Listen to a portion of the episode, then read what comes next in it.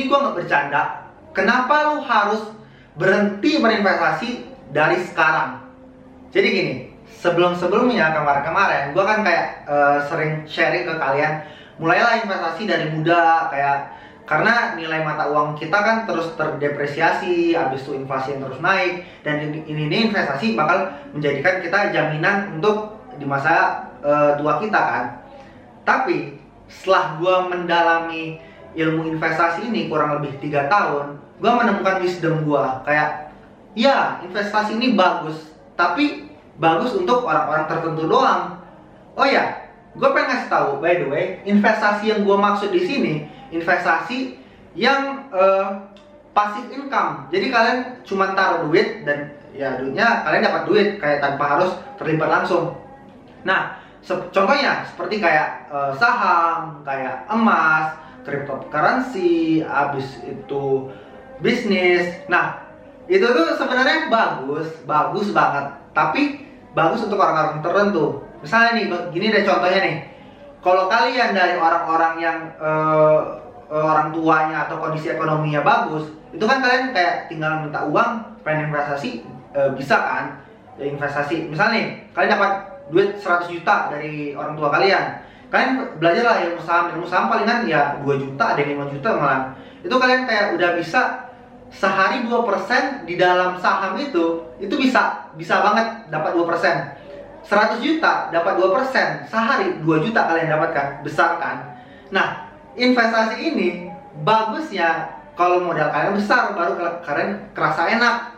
Tapi kalau kalian modal kecil kayak mulai dari 100 ribu ya sebenarnya bisa juga ko- compound interest. Gue tahu gue gue pernah memperdalami itu. Tapi, tapi kan compound interest ini selama uang lu tetap masih ada di sana ya bak- ba- baru baru bakal untung bukan misalnya lu tarik kan hilang gitu. Nah kan nggak mau kayak gitu kan.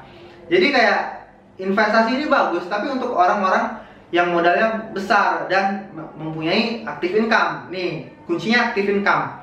Nah nggak semua orang punya eh, kekuatan finansial seperti itu.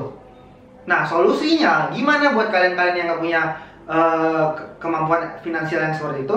Jadi gue pengen ngasih tahu belajarlah mulai gimana menghasilkan active income. Nih, gue ya sebagai mahasiswa, gue tuh kayak gue masih masih mahasiswa sih.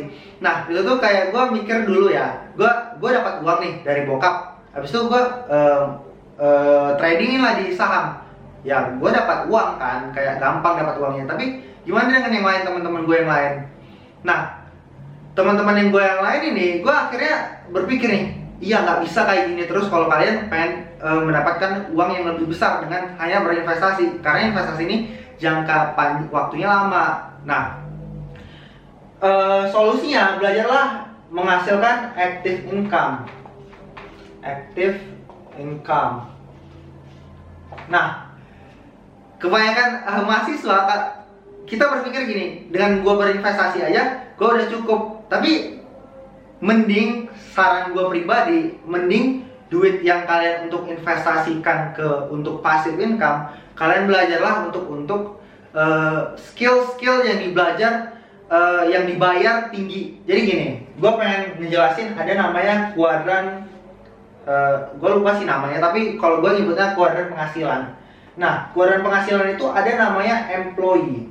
Habis itu ada namanya profesional. Habis itu ada namanya business owner. Habis itu ada nama investor. Nah, ini kan ada empat nih. Ada empat kan? Ada sisi kanan, ada sisi kiri. Nah, sisi kanan ada ini dibagi sama aktif sama pasif. Jadi orang-orang yang kayak gini, employee sama profesional ini, mereka baru dapat uang ketika mereka dibayar ba- bekerja. Nah, itu kalau yang di sebelah eh, kiri ini, mereka dapat eh, mereka nggak ada nggak kerja atau nggak perlu ada di di tempat kerjaan, mereka tetap dapat uang. Nah, gitu.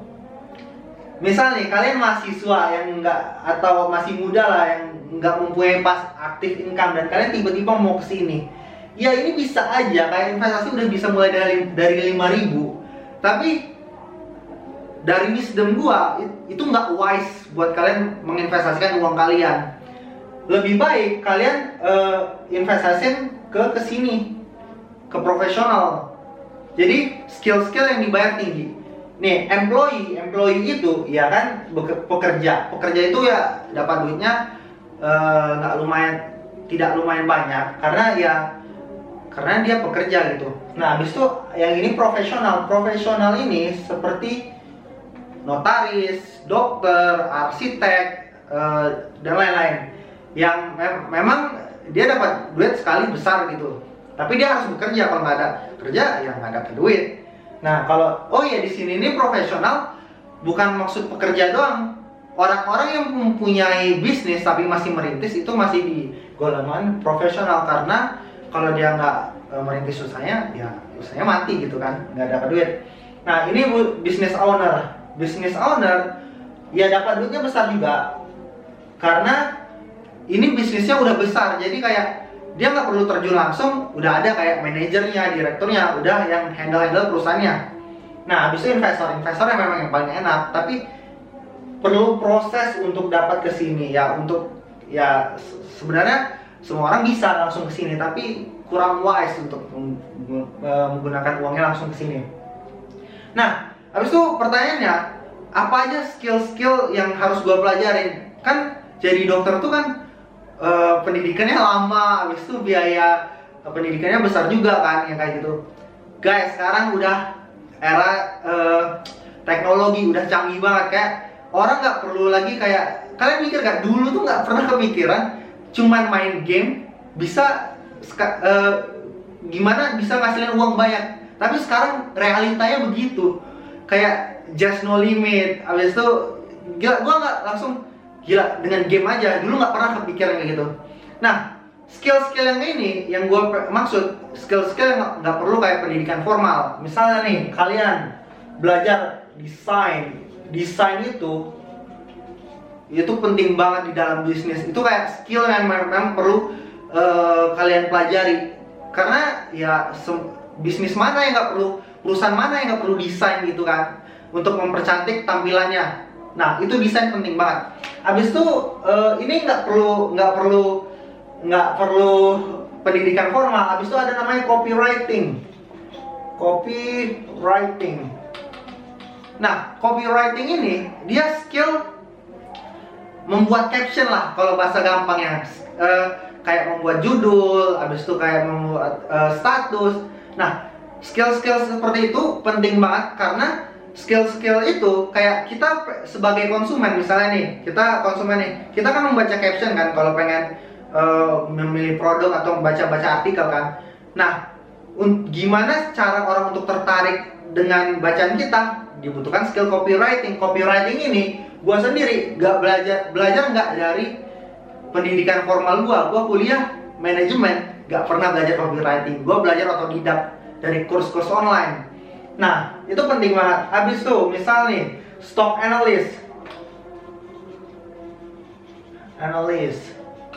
Stock analyst, ya stock analyst masih perlu pendidikan formal, tapi gini, stock analyst itu uh, sekarang kalau kalian pengen menganalisa sendiri itu kalian nggak perlu uh, pendidikan formal. Kenapa? Karena ada udah ada kurs-kurs yang di luar sana yang yang nggak perlu kayak pendidikan kamu apa terakhir SMA nggak? Ya enggak sekarang kak kamu bayar itu aja udah bisa gitu.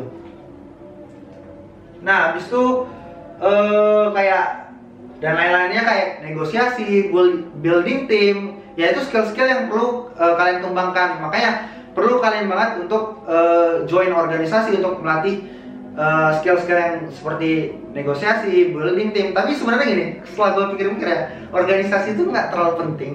Yang lebih penting kalian uh, coba maksudnya organisasi itu yang uh, sesuai dengan uh, tujuan kamu. Misalnya kalian uh, tujuannya pengen bisnis bikin bisnis ya gabunglah organisasi organisasi bisnis. Karena nanti belajarnya negosiasi public speaking dan lain-lain kalau kalian pengen belajarnya organisasi yang seni ya masuk organisasi seni. Kalian uh, biar skillnya match gitu. Nah itulah saran gua uh, buat kalian yang mempunyai tidak mempunyai kemampuan finansial yang bagus daripada kalian berinvestasi duit kalian uh, berkembangnya sedikit mending kalian ke ke uh, skill-skill yang dibayar mahal karena kalau kalian udah dapat uang besar di sini kalian bisa dua pilihan. Kalian pengen bikin bisnis sendiri atau pengen jadi investor aja kan? Uh, setiap orang mempunyai keinginan yang berbeda-beda. Ada yang pengen mereka pengen bikin bisnis kalau udah dapat duit besar. Uh, ada juga yang kayak ah ngapain sih? Gua suka menjalani passion gua di uh, skill yang gua dalamin skill-skill high high pay tadi. Ya udah gua ke investor aja. Nah kayak gitu. Jadi uh, dari pengalaman gue tiga tahun ya ini pengalaman gue ya. Karena investasi ini memang setelah gue pikir-pikir itu buat orang-orang yang udah kelebihan duit. Kalau kalian belum ada active income ini kuncinya kalau nggak ada active income jangan berinvestasi. Gitu. Mending kalian langsung belajar skill-skill yang uh, di dibayar mahal. Oke? Okay? sekian dari gua uh, Fajar Hasan. Out. Thank you guys